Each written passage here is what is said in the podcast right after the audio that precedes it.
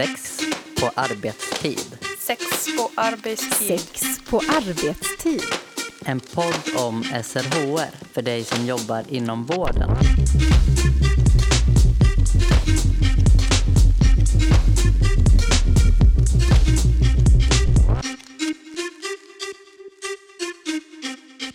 Därför får du huvudvärk av sex.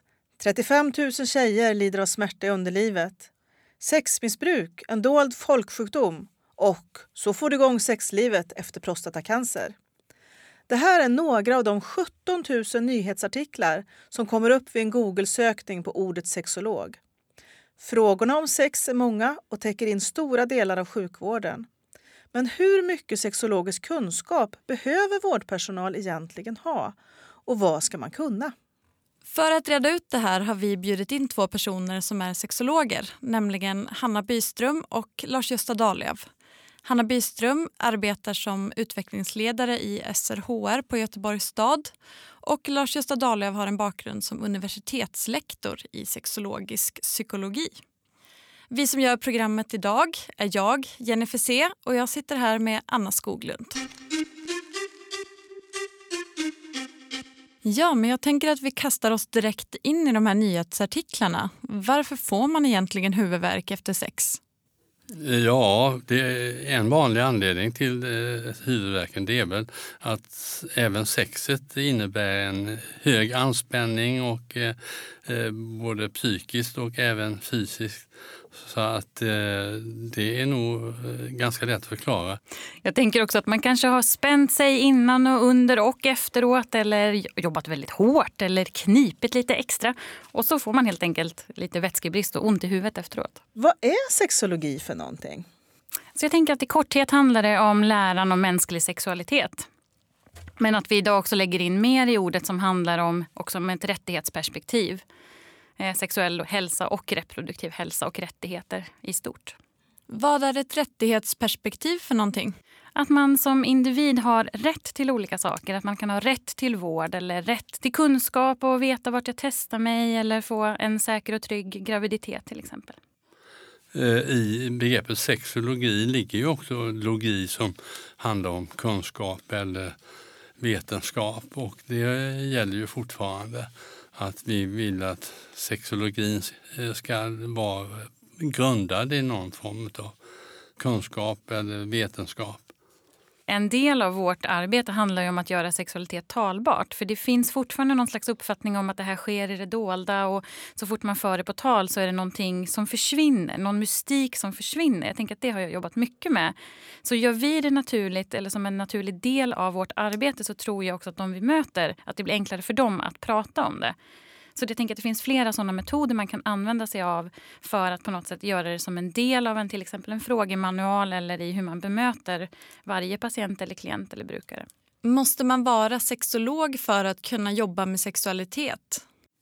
Det, nej, jag tycker inte det faktiskt. Därför att det finns många som, eh, som varje dag i sitt jobb och så vidare konfronteras med de här frågorna.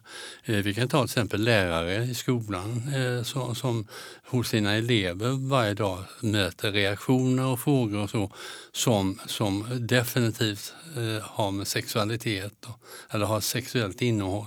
Och de måste också kunna, ofta på stubinen, kunna eh, hantera detta eller reagera på detta och de, utan att man ska kräva att de har gått någon sexologutbildning. Den här podden riktar ju sig till vårdpersonal i Västra Götalandsregionen. Och de allra flesta har ju ingen sexologisk utbildning. Men vad behöver de kunna för att jobba med sexualitet? Jag tänker inte att man behöver så mycket alls. Att Det räcker att öppna upp för att kunna ställa frågor. Man kan ju till exempel via regnbågsflaggor eller symboler på kontoret eller små broschyrer. På något andra sätt signalera att det här är en plats där jag får ställa frågor och också att öppna upp för det i egna samtal som personal. Det är ju så att eh, ofta så kan man som eh, sjuksköterska, eller sjukgymnast eller läkare eh, uppleva att det eh, känns lite osäkert och man känner sig inte riktigt bekväm. Men, men det är ju i verkligheten på det viset att, att de flesta som kommer dit som patienter så, de förväntar sig att den man möter ska kunna tillräckligt mycket om detta. Man ifrågasätter liksom inte läkarens sexologiska kunskap utan den utgår man ifrån.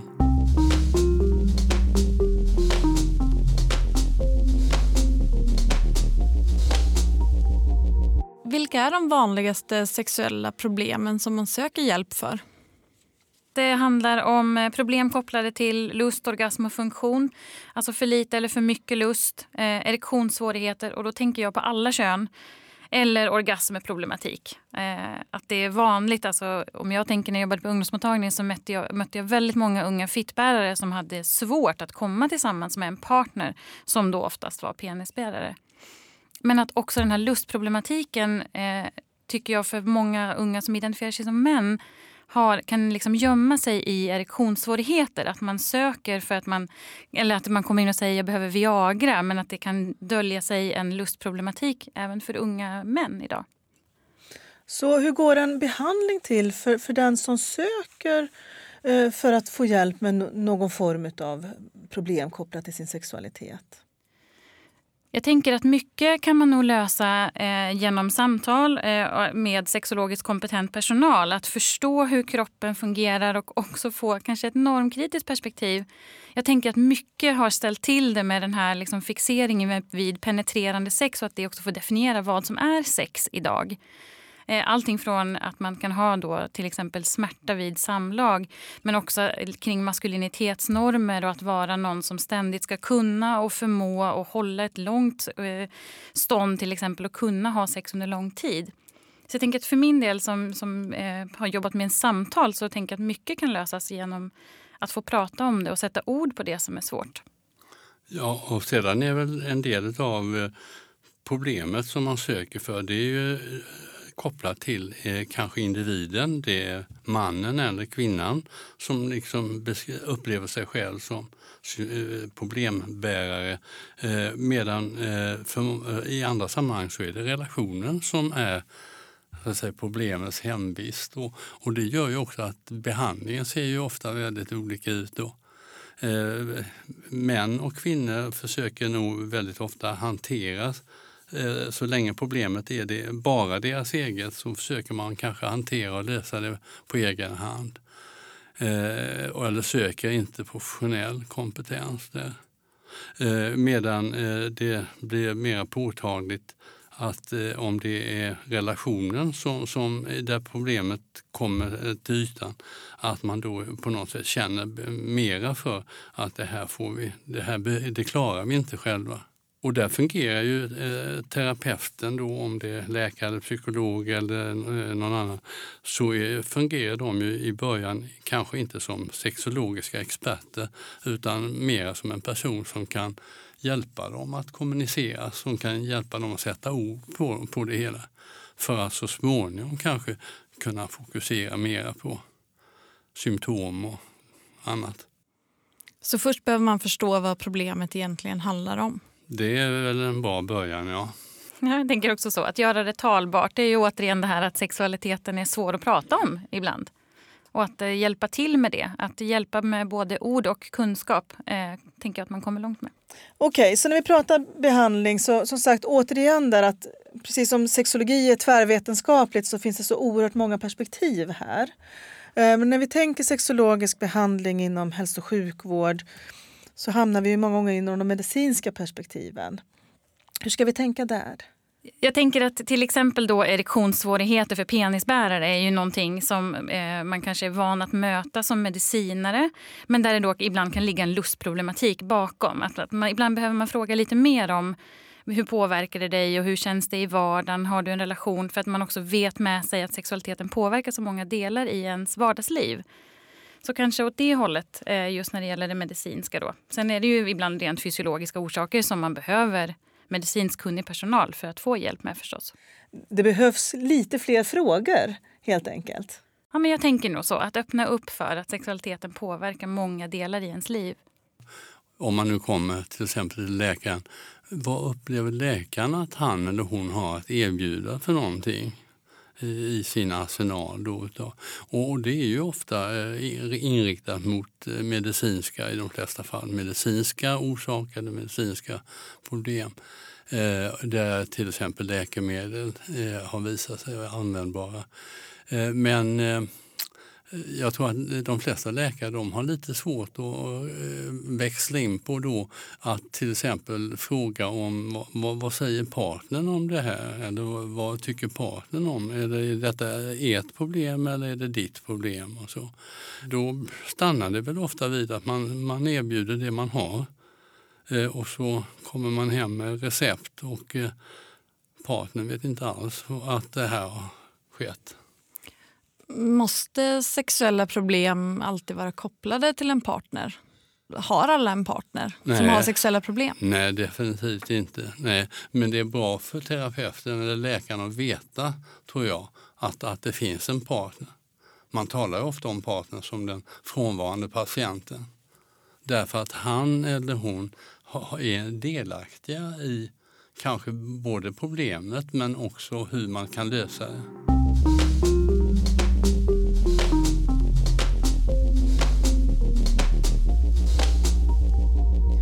Och här börjar vi också närma oss lite det här sättet hur vi faktiskt ställer frågor. Eh, ibland när man träffar personer som har läst sexologi och jobbar med sexologiska perspektiv eh, och kanske har det tydligt i sitt arbete så nämns ofta något som kallas för Plicit-modellen. Kan du, Hanna, börja beskriva vad är Plissit för någonting? Ja, alltså Plissit är en modell som utvecklades på 70-talet för att öppna upp för samtal om sexualitet. Men jag tänker nog att den idag kan användas på ett bredare sätt.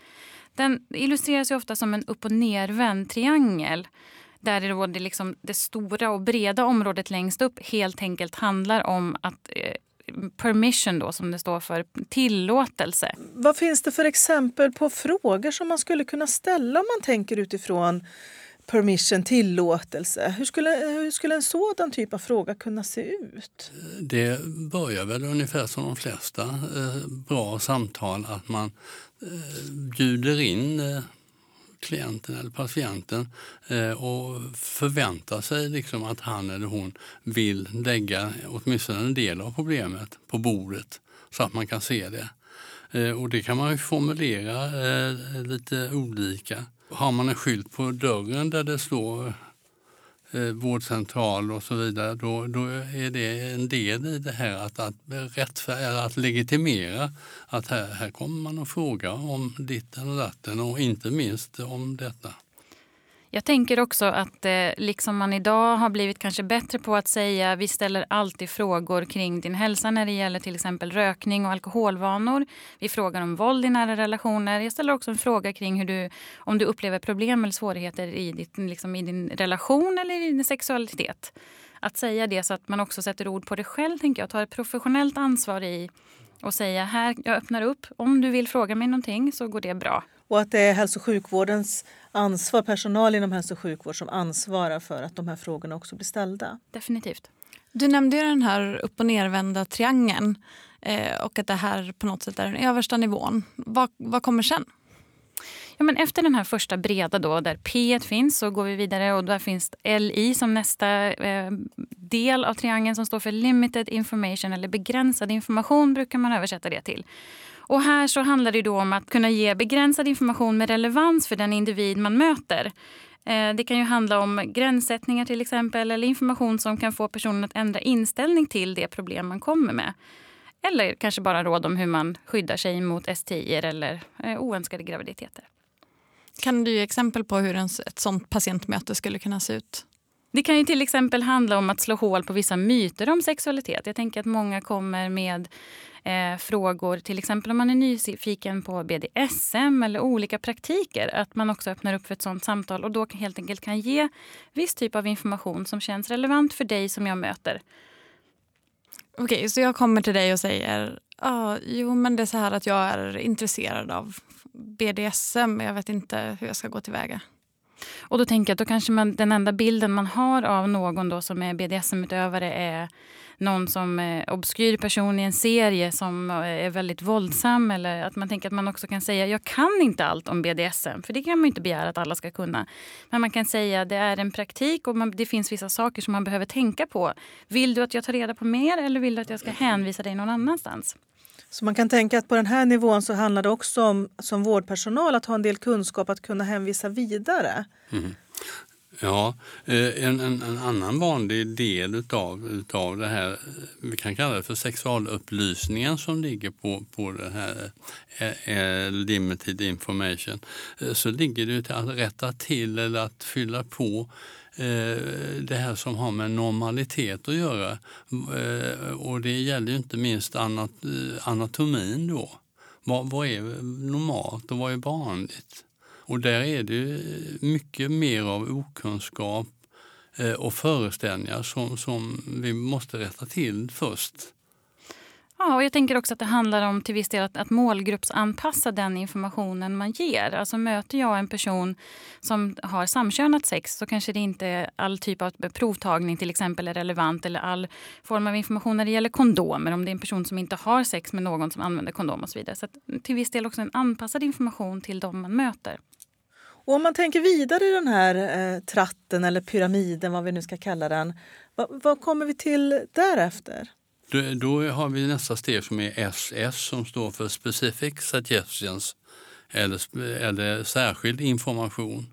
Eh, och då kan man, om vi talar om det andra som sexualupplysning, så är detta då mera sexualrådgivning. Eh, där man kommer in på eh, till exempel en viss behandling. Vad, vad, vad innehåller den? Eller att man ger en mer detaljerad beskrivning av en, en dysfunktion eller störning. Och ehm, eh, ja, stämmer av lite grann eh, och kanske också för in eh, nya rön som har, som har skett där.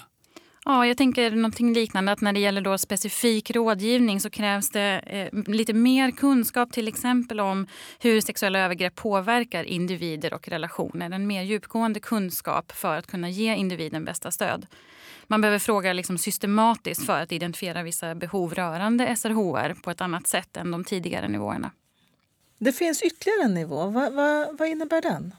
Ja, längst ner då i den här triangeln i det lilla området så finns det ju då IT, alltså sista delen av plistit som står för intensive therapy eller sexologisk terapi. Och här är ju, alltså att den är upp och nervänd tyder också på att här är, befinner sig en ganska liten del av de som jobbar med vård, råd och stöd. Och här handlar det ju om en specialistkompetens. Alltså professionella med rätt utbildning som, eh, men också en djup, mer djupgående kompetens än tidigare nivåer. Och det här innebär inte bara det man själv kan göra som, som terapeut alltså, utan för väldigt många så handlar det om att man eh, remitterar. Man har förmågan, kunskapen att veta vart ska det här skickas någonstans. Var finns den, den kompetens som behövs? Och så gör man istället en re remittering. Då. Vart finns kompetensen då på de här fyra olika nivåerna? Ja, önske, önskeläget är naturligtvis att den finns eh, inom vårdprofessionen spridd på, på olika, eh, olika professioner som psykologer, läkare, sjuksköterskor, eh, Eh, sjukgymnaster, eh, arbetsterapeuter med flera. Men tyvärr är ju verkligheten inte riktigt så den ser inte sån ut då utan eh, fortfarande så är det ganska tunt mellan de här som representerar sexologisk kompetens och vi skulle behöva vara många, många fler. Men som jag förstod det så behöver man inte ha någon särskild sexologisk kompetens för att tillgodose de här första nivåerna, eller? Nej, jag tänker nog att de allra, allra flesta kan eh, öppna upp för samtal om sexualitet oavsett var inom vården man befinner sig den här breda, liksom, nedersta eller, alltså, av triangeln som man ser då längst upp handlar ju om att, att öppna upp för samtal. Och den lilla, lilla delen längst ner om de lite, alltså ganska få personerna som ändå behöver någon form av terapi eller mer långtgående behandling. Så jag tänker att de allra flesta kan ha, hamna i situationer där man på något sätt behöver öppna upp bara för frågor och samtal om sexualitet. Det betyder ju inte att alla måste kunna svara på dem, men att bara öppna upp för samtalet för att sen i så fall skicka det liksom neråt i den här triangeln. Så om man vill ha en lista på vart man vänder sig i Sverige, kan du ge något tips på det, Hanna? Jag tänker att srhr.se eh, till viss del kan säga någonting om sexologiska mottagningar med kompetens. Och även Svensk förening för sexologis hemsida har ju en lista över personer med den kompetensen. Men som jag förstod det så är det väldigt få personer som behöver specialistkompetens, alltså patienter. Så egentligen så kan man gå till vilken vårdcentral som helst om man har frågor kring sin sexualitet. Det tycker jag man eh, ska börja med. Ja. Och, och, och sedan ökar det ju naturligtvis också medvetenhet och eh, trycket på personalen där att eh, ska säga, se om sitt hus.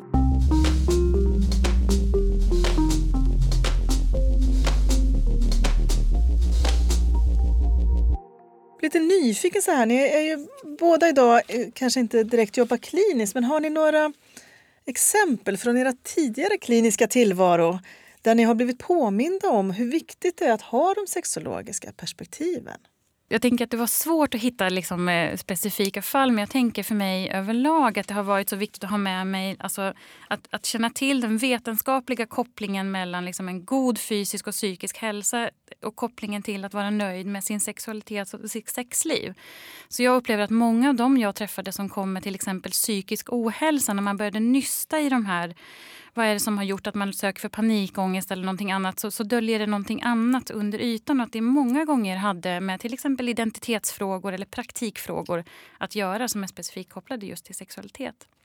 Ja, jag har ju varit privilegierad på det viset att nästan samtliga som jag har träffat som patienter eller klienter har ju haft någon form av fråga eller problem med sig som rör sexualiteten. Så att det, det, har inte varit frågan om. Jag har inte behövt leta efter det. Men, men däremot så har jag också mött eh, ganska många läkare, psykologer och andra eh, som när jag frågar dem hur mycket de, precis som så här, vad har du mött i din verksamhet? Så är det ju faktiskt ganska många som sagt jag har aldrig mött något sånt här problem. Och det, det, det säger kanske mer om terapeuten än patientgruppen. Det låter som att det kanske handlar om vilka, vilken typ av glasögon jag har på mig. Vad är det jag ser? Precis. Jag kan också ge ett annat exempel. Jag tänker att jag träffade en uh, ung tjej, vi kan kalla henne Sofie, som kom och sökte för att hon liksom blev mer och mer stressad och mådde mer och mer dåligt och ju längre tiden gick. Och, och vi liksom nystade lite i det här och det handlade mycket, alltså hon tyckte att hon var liksom nöjd med sin vardagssituation och med sitt jobb. Och, och, sådär. och relationen till sin partner var också bra. Men sen så ju mer vi började prata om den här relationen så kom hon liksom fram till att hon tyckte inte att det här med sex var så himla härligt. Utan gjorde det för sin partners skull. Så att någonstans att få sätta ord på att asexualitet också är eh, eh, någonting. Och, och det var det som hon kände, identifierade sig med. Att inte att behöva... hon ville ha närhet och liksom pussar och kramar men sex var ingenting för henne. Jag tänker att det var också en del av det här. Att upptäcka liksom sexologin i det hela.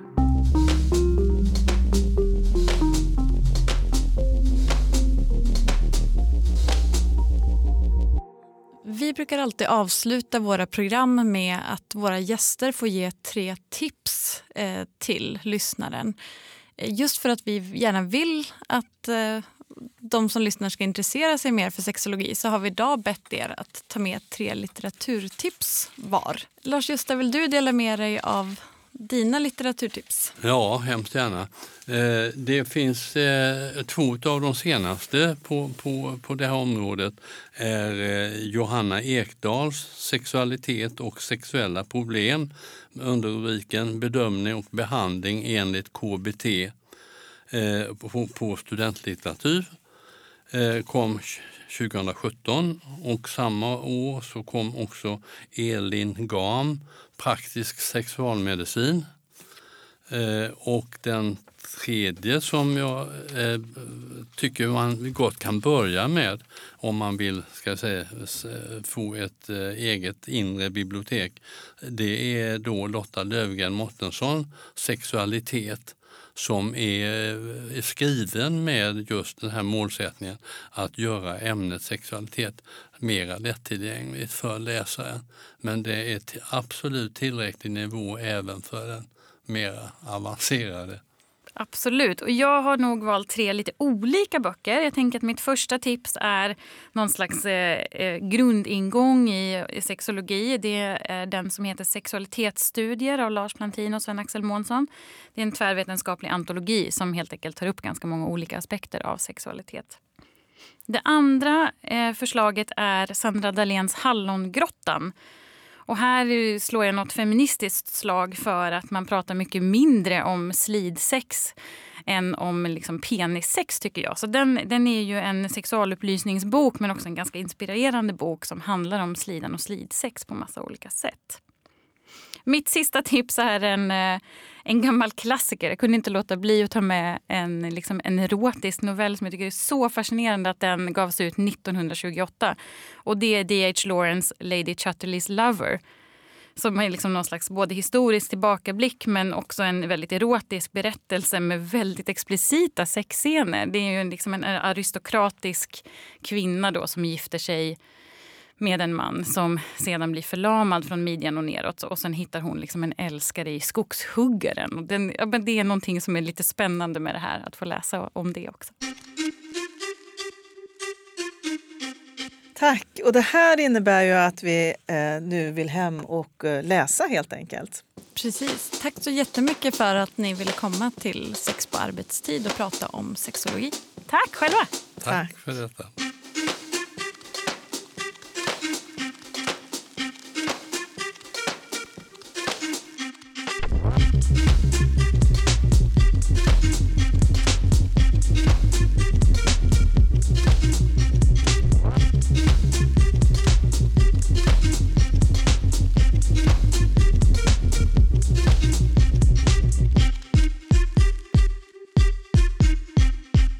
Har hört Sex på arbetstid, en podd av och med Jenny C, Elin Klingvall och Anna Skoglund på Närhälsan Kunskapscentrum för sexuell hälsa, en del av Västra Götalandsregionen.